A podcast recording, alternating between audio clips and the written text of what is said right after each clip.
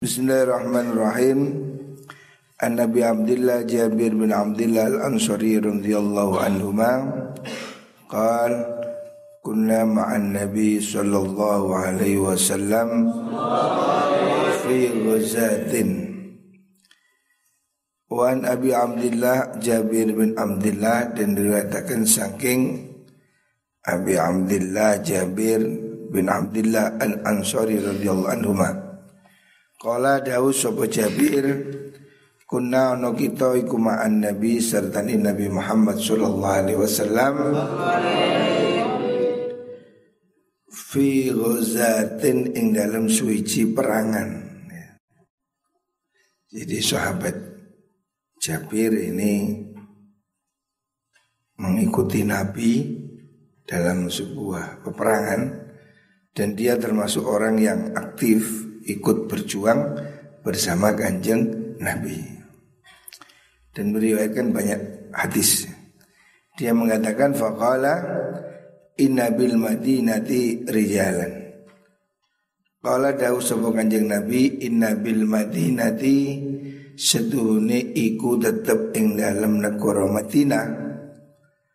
Lari jalan yakti ono piro-piro wong lanang. Di Medina ada beberapa orang Masir tum kang ora lumaku sira kabeh. Masir tum kang ora lumaku sira kabeh. Masiron enggon lumaku maksudnya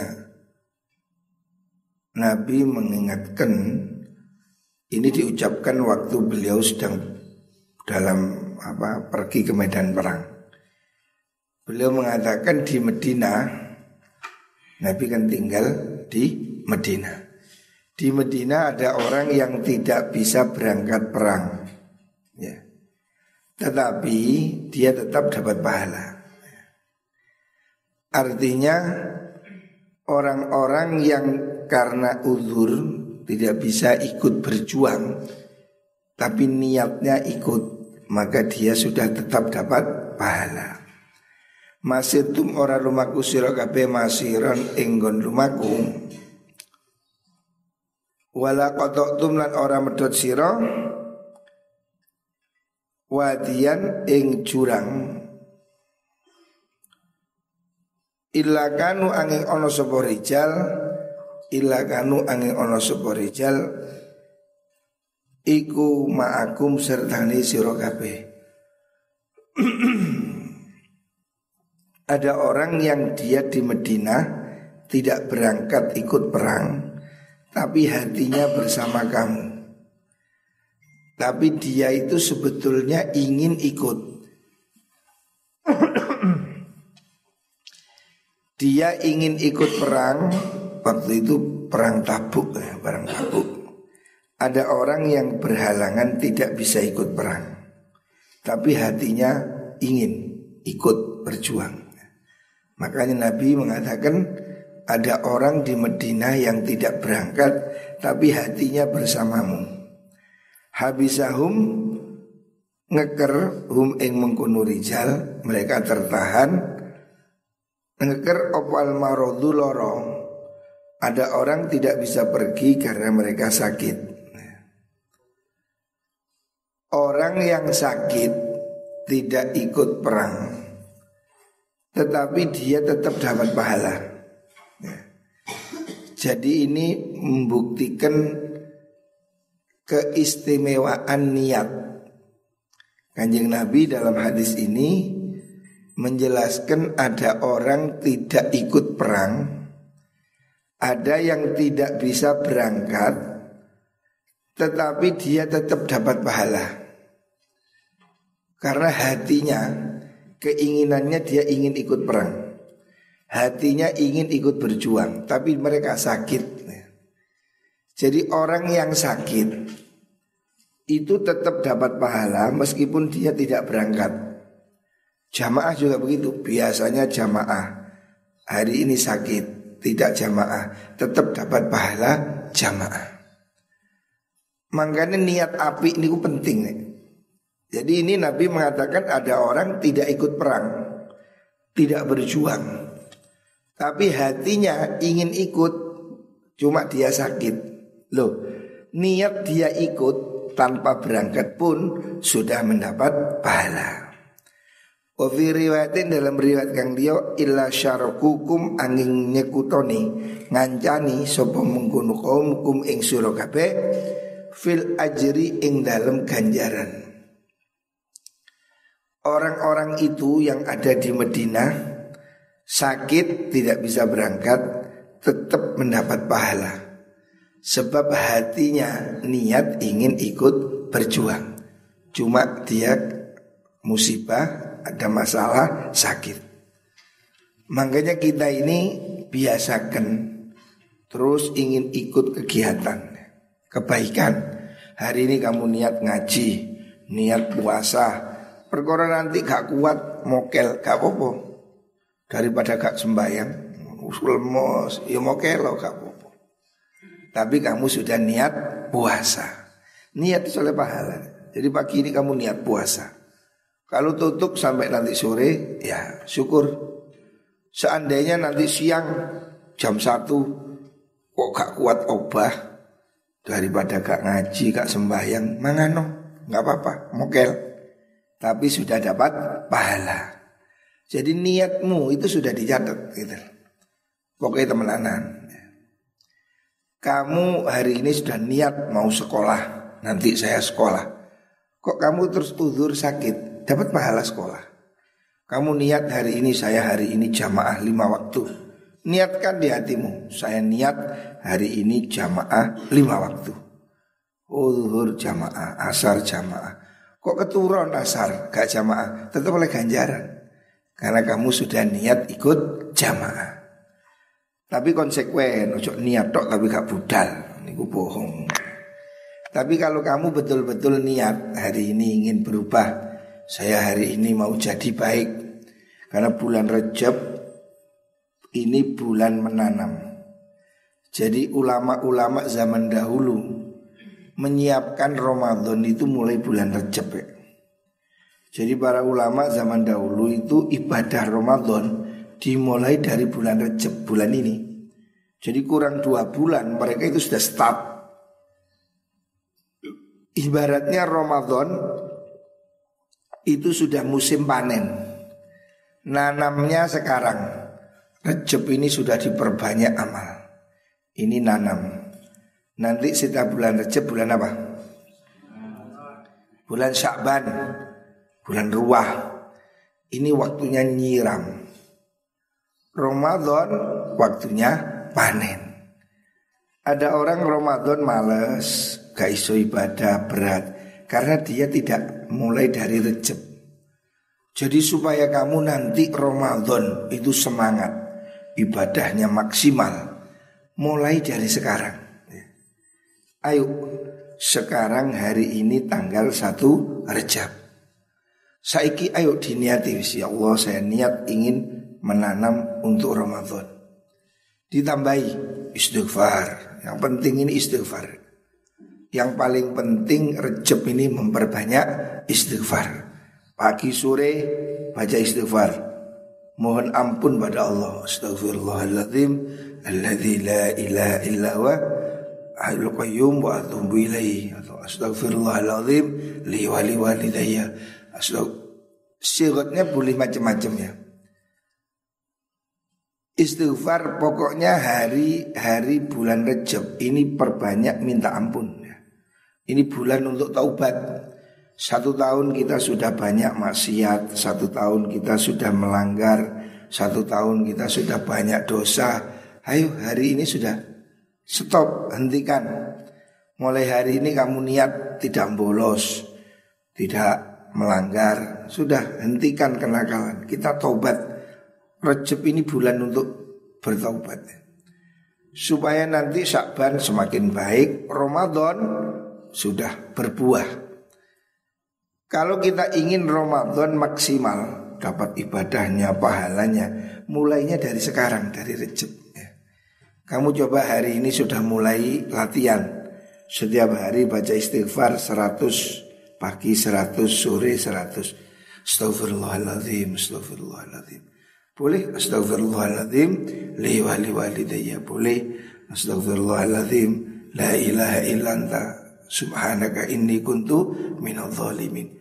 Pokoknya Recep ini kita sudah mulai menambah kebaikan supaya nanti Ramadan kita sudah siap ya.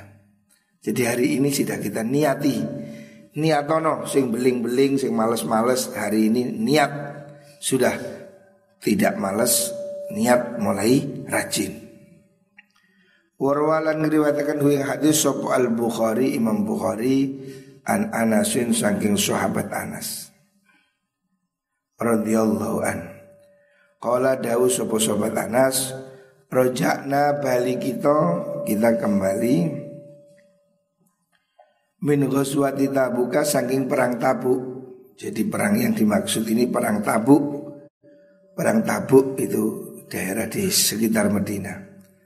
Ma'an Nabi serta Nabi Muhammad sallallahu alaihi wasallam Faqala mongko dawu sapa sinten Kanjeng Nabi Nabi mengatakan ya, waktu Nabi itu berangkat perang Tabuk, Tabuk itu daerah yang apa sekitar Madinah ya, tidak terlalu jauh. Ya. Kemudian Nabi mengatakan Inna akwaman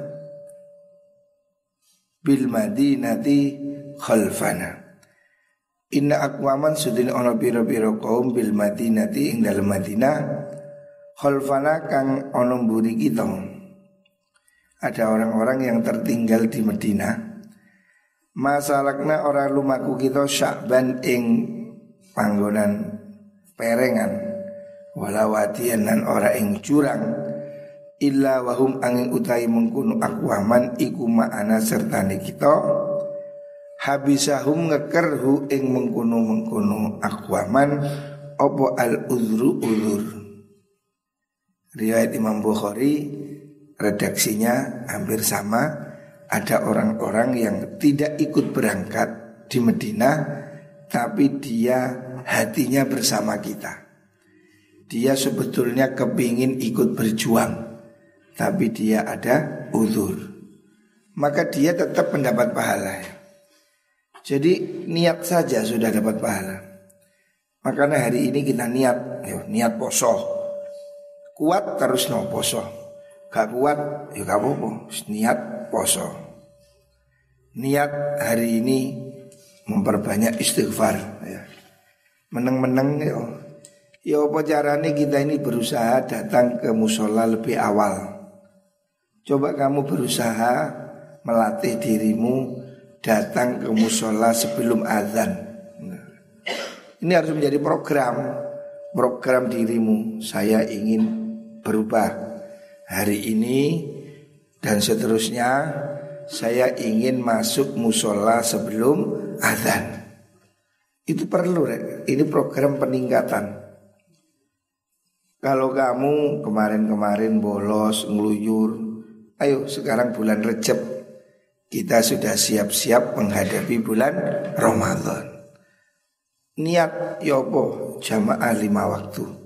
Saya lihat zuhur yang jamaah cuma sedikit. Pak Milal mana Pak Milal? Kenapa zuhur itu yang jamaah kok sedikit? Coba dioprak-oprak Pak Milal. Zuhur saya lihat jamaah cuma sedikit, asar juga. Ayo jamaah ini usahakan lima waktu. Kamu wajibkan pada dirimu sendiri. Saya ingin jamaah lima waktu. Supaya kamu dapat berkahnya mondok. Mondok ini kunci berkah ya. Orang kalau kepingin mondok sukses jamaah lima waktu. Itu kunci yang paling utama. Orang di pondok jamaah lima waktu itu kelihatan ya. Berkahnya kalau pulang itu kelihatan. Jadi kamu harus punya niat apalagi yang sudah kelas 3 SMK niat berubah husnul khatimah. Ayo saya sekarang mau jamaah lima waktu. Benar? Kusi ngantuk-ngantuk iku kan. Ngaji ngantuk eh. Eh. Oh, sopo yo. Oh, sopo ngantuk. Ayo kamu berubah. Terutama yang sudah kelas tiga kamu berusahalah berubah menjadi husnul khatimah.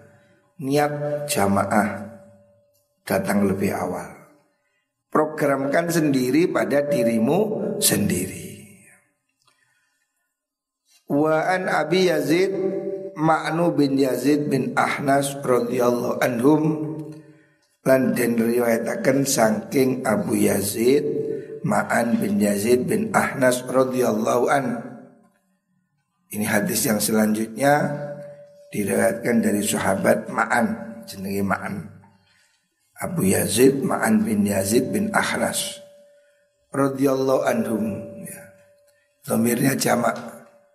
Karena apa? radhiyallahu anhum. Kalau Sayyidina Umar radhiyallahu anhu. Karena apa? Ayahnya belum masuk Islam. Tapi kalau sahabat Yazid ini disebut radhiyallahu anhum. Semoga semua diridhoni dengan domir jamak. Alasannya kenapa radhiyallahu anhum? Karena huwa utawi Abu Yazid wa Abu lan bapak Abu Yazid wa jadduhu lan embai Abu Yazid iku sahabiyuna piro-piro sahabat kabeh. Karena mereka ini semuanya generasi sahabat. Sahabat itu orang yang hidup sezaman dengan kanjeng Nabi. Itu namanya sahabat. Orang yang pernah kumpul bersama kanjeng Nabi waktu Nabi masih hidup dalam keadaan beriman. Walaupun cuma sebentar dan dia mati dalam keadaan iman. Ini definisi sahabat. Nah disebutkan Abu Yazid Ma'an ini orang yang sahabat sekeluarga sampai kakek-kakeknya. Artinya dia ini mulai dari bapaknya, kakeknya sudah masuk Islam. Maka disebut dengan radhiyallahu anhum. Mereka sahabat semua. Qala dawu sapa Abu Yazid. Abu Yazid mengatakan Qala dawu sapa Abu Yazid? Karena ono sopo abi bapak ingsun? Karena ono sopo abi bapak ingsun? Rupane gini wow Sopo ngantuk ngorek? Hei Bukan narik turu. Kulo sopo turu ngorek Hei Kulo apa ini? Kurung enggak Sopo turu? Kala dawu sopo Abu Yazid Ma'an niku Ma'an bin Yazid bin Ahnas karena ono sapa abu abi bapak ingsun rupane Yazid Pak Yazid. Iku akharaja ngetoaken sapa abi ngetoaken dana niro ing piro-piro dinar. Bapaknya itu sodakoh maksudnya Mengeluarkan uang. Ya tak sodaku sodako sopo abi? Ya. Yazid bapaknya itu. Ini anaknya itu namanya Ma'an bin Yazid. Nah Yazid bapak saya itu pernah sodako menaruh uang Pihak kan mengkuno dananir Fawadoa mengko nyelehno sopo abi ha ing mengkuno dananir Indarojulin ana ngersani wong lanang fil masjid ing dalam masjid. Jadi ini kisahnya Ma'an bin Yazid itu menceritakan kalau bapaknya yang bernama Yazid itu sodakoh, maksudnya sodakoh sunnah. Ya. Dia mengeluarkan uang sejumlah uang ditaruh di masjid dititipkan orang di masjid ya maksudnya mewakilkan jadi ini duit dititipkan di masjid pada orang yang ada di situ terus dia bilang ini uang saya berikan pada orang-orang yang masuk masjid jadi dia niatnya sodakoh diwakilkan ya minta tolong orang untuk membagi gitu jadi sodakoh ini kan bisa diwakilkan penyerahannya diwakilkan dalam riwayat hadis ini, ini hadis riwayat Imam Bukhari, Yazid, sahabat Yazid ini naruh uang di masjid. Dia naruh uang di masjid diserahkan orang supaya dibagikan. Maksudnya sodako sunnah. Fajik tu mongko teko sapa ingsun, ingsun anak ini wau ma'an niku. Fakhadtu mongko ngalap ingsun ha ing mengkono dananir. Fa itu mongko teko ingsun hu ing abi biha kelan mengkono dananir. Bapaknya ingin sodakoh naruh duit di masjid. Maksudnya supaya diberikan orang yang masuk ke masjid. Ternyata anaknya ini pinter. Dia datang ke masjid minta juga, minta uang itu. Kan duit itu dititipkan ke seorang di dalam masjid supaya dibagi. Anaknya ikut minta, datang ke masjid minta uang itu dibawa pulang. Ditunjukkan pada bapaknya, saya dapat uang. Bapaknya marah, loh itu uang saya untuk orang di masjid kok kamu minta gimana kamu anak saya gitu. Jadi anak ini pinter melok jaluk bagian. Padahal maksudnya bapaknya, bapaknya ini bermaksud sodakoh untuk orang-orang yang ada di dalam masjid. Tapi anaknya tahu, anaknya yang bernama Maknu itu tahu. Maka anaknya ini ikut masuk masjid minta uang itu pada yang membagi. Begitu dia bawa pulang, bapaknya marah. Fakola ngucap sebuah abi Wallahi demi Allah Ma iyaka ora ing siro arotu ngarepaken ingsun. Kata bapaknya Loh saya itu niat sodako bukan pada kamu. Gitu loh. Jadi bapaknya merasa dicurangi. Saya naruh uang di masjid untuk sodako pada orang. Lalu anaknya ikut ngambil Makanya bapaknya marah. Kenapa kamu kok ikut-ikutan ngambil uang itu? Kata bapaknya yang bernama Yazid Saya niat naruh uang itu di masjid Untuk sodako pada orang-orang yang masuk ke dalam masjid. Lah kok kamu anak saya ikut ikut-ikutan ngambil? Akhirnya mereka bertengkar. Anaknya merasa Ya saya kan masuk masjid dapat bagian. Bapaknya Loh saya itu nggak niat ngasih kamu, saya niat ngasih orang lain. Fakhosom tu mongko paro padu untuk ngelapuraken ingsun hu ing mengkono mengkono kaul niku ila Rasulullah ila Rasulillah sallallahu alaihi wasallam maring Kanjeng Nabi.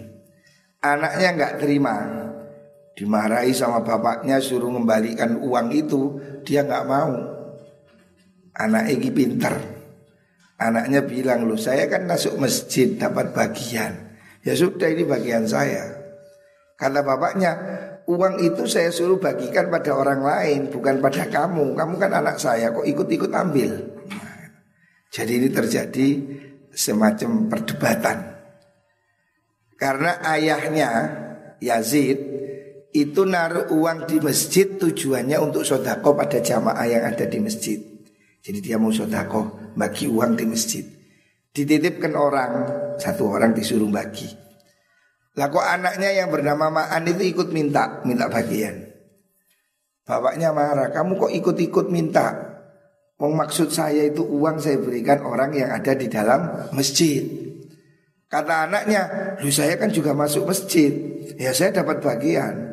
Akhirnya ini geger. Terus Ma'an anaknya ini lapor pada kanjeng Nabi. Nabi ini gimana?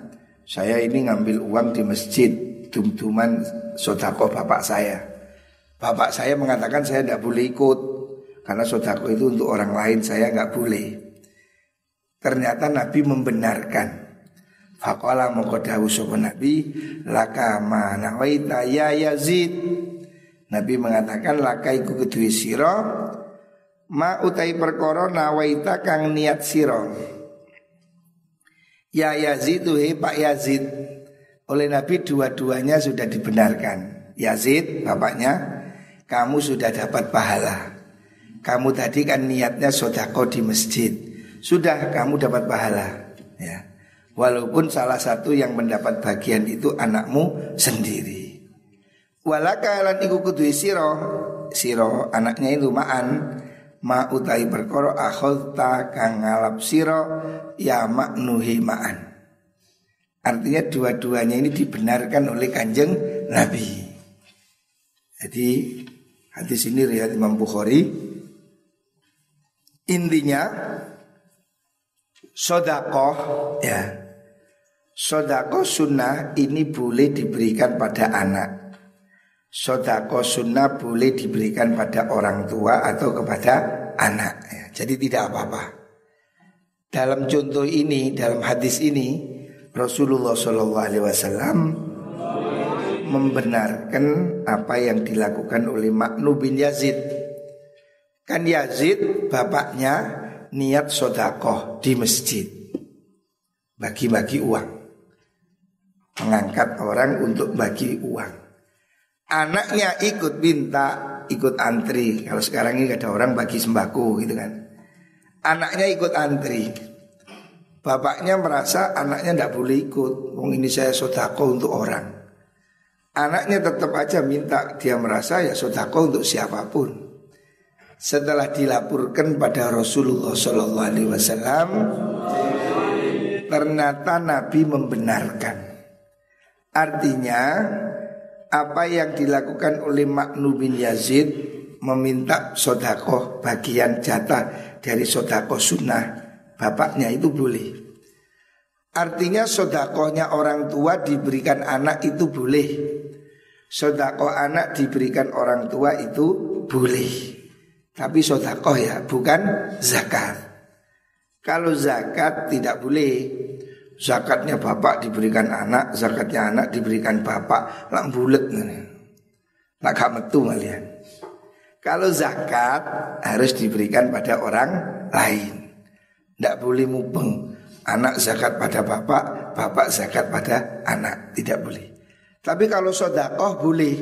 Ya, Sodakoh sunnah boleh orang tua sodakoh pada anak. Boleh. Dan itu mendapat pahala. Anak sodako pada orang tua juga boleh dan tetap mendapat pahala.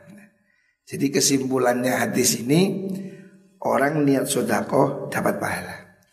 Walaupun itu yang mendapat adalah anaknya.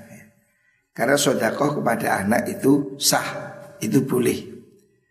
Tetapi kalau zakat ya yang wajib itu tidak boleh. Kalau zakat tidak boleh diberikan pada orang yang wajib ditanggung oleh dia. Tetapi kalau sodako, sodako sunnah boleh. Anak sodako pada ibu boleh. Ibu niat sodako pada anak itu boleh. Dan kesimpulan yang kedua, sodako itu boleh diwakilkan pembagian melalui orang lain. Dalam kasus hadis ini, Yazid menyuruh orang titip di masjid untuk membagi. Makanya kamu boleh sodako titipkan ke orang lain termasuk ke lazis. Nah ini Aziz. Ini contoh siapa orang yang ingin sodako pada santri titipkan ke sini. Nah ini omplong gerakan seribu rupiah.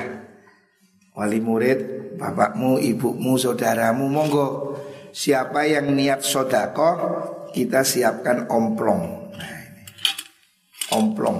Sodako untuk santri yang Yang kurang mampu Yang tahfidz. Ini kita bikin ini Lazis. Ini contoh. Sodako bisa dititipkan lewat orang. Jadi mungkin bapakmu, ibumu kalau sodako seribu Kan medidik izin kayak nawong Sodako sewu. Nah, jika izin sekian gini jadi kamu bawa pulang ini silahkan. Siapa yang mau Omplong ini bawa pulang. Sodako setiap hari Seribu, seribu, Kelinting, kelinting dong Kelinting ya. Jadi sodako boleh diwakilkan. Maksudnya diwakilkan Dititipkan. Jadi kita Pondok Anur satu ini Menyalurkan sodako zakat infak. Siapa yang mau titip silakan Kita bagi omplong ini untuk gerakan orang tua asuh, santri yatim, duafa dan penghafal Al-Quran. Jadi ini contoh sodakoh bisa kamu titipkan melalui lazis. Boleh sodako kamu berikan sendiri boleh. Kamu titipkan di sini juga boleh. Awakmu mani tak taruh di sini. Kamu punya susu, susu jajan lebok no gini. Saya niat sodako. Tidak apa-apa, masukkan. Jadi boleh kamu nitip sodako. Kita membuat omplong ini banyak. Siapa pun yang ingin sodako pada santri boleh titip ya. Ini namanya gerakan sodako. Sodako boleh dititipkan orang lain. Dalam hadis yang tadi disebutkan oleh sahabat Yazid, eh, sahabat Mi'an, bahwa bapaknya sodako dibagikan oleh orang lain di dalam masjid. Itu boleh ya, mewakilkan sodako itu boleh. Dan itu boleh diterima oleh anaknya sendiri. Tapi kalau diberikan orang lain tentu lebih baik. Jadi sodakoh ini tingkat-tingkat ya. Sodako pada fakir miskin baik. Sodako pada fakir miskin yang ahli ibadah lebih baik. Termasuk sodako pada santri yang kurang mampu, pahalanya lebih besar. Sebab apa? Santri ini dia ibadah, ngaji, tidak maksiat, dibuat untuk sangunya ngaji, pahalanya jauh lebih besar. Sodako pada santri ngaji pahalanya berlipat. Makanya saya menganjurkan siapa pun yang ingin sodakoh bisa melalui kita, melalui gerakan ini, melalui lazis anur. Kita ingin semua orang bisa ngaji dan kita terus ingin menampung siapa pun kurang mampu silahkan mondok di sini. Insya Allah kita bantu ya. Muka-muka semua diberi rezeki yang berkah kita doakan semua yang membantu, yang bersodakoh, muka-muka tambah banyak rezekinya. Amin Allahumma amin.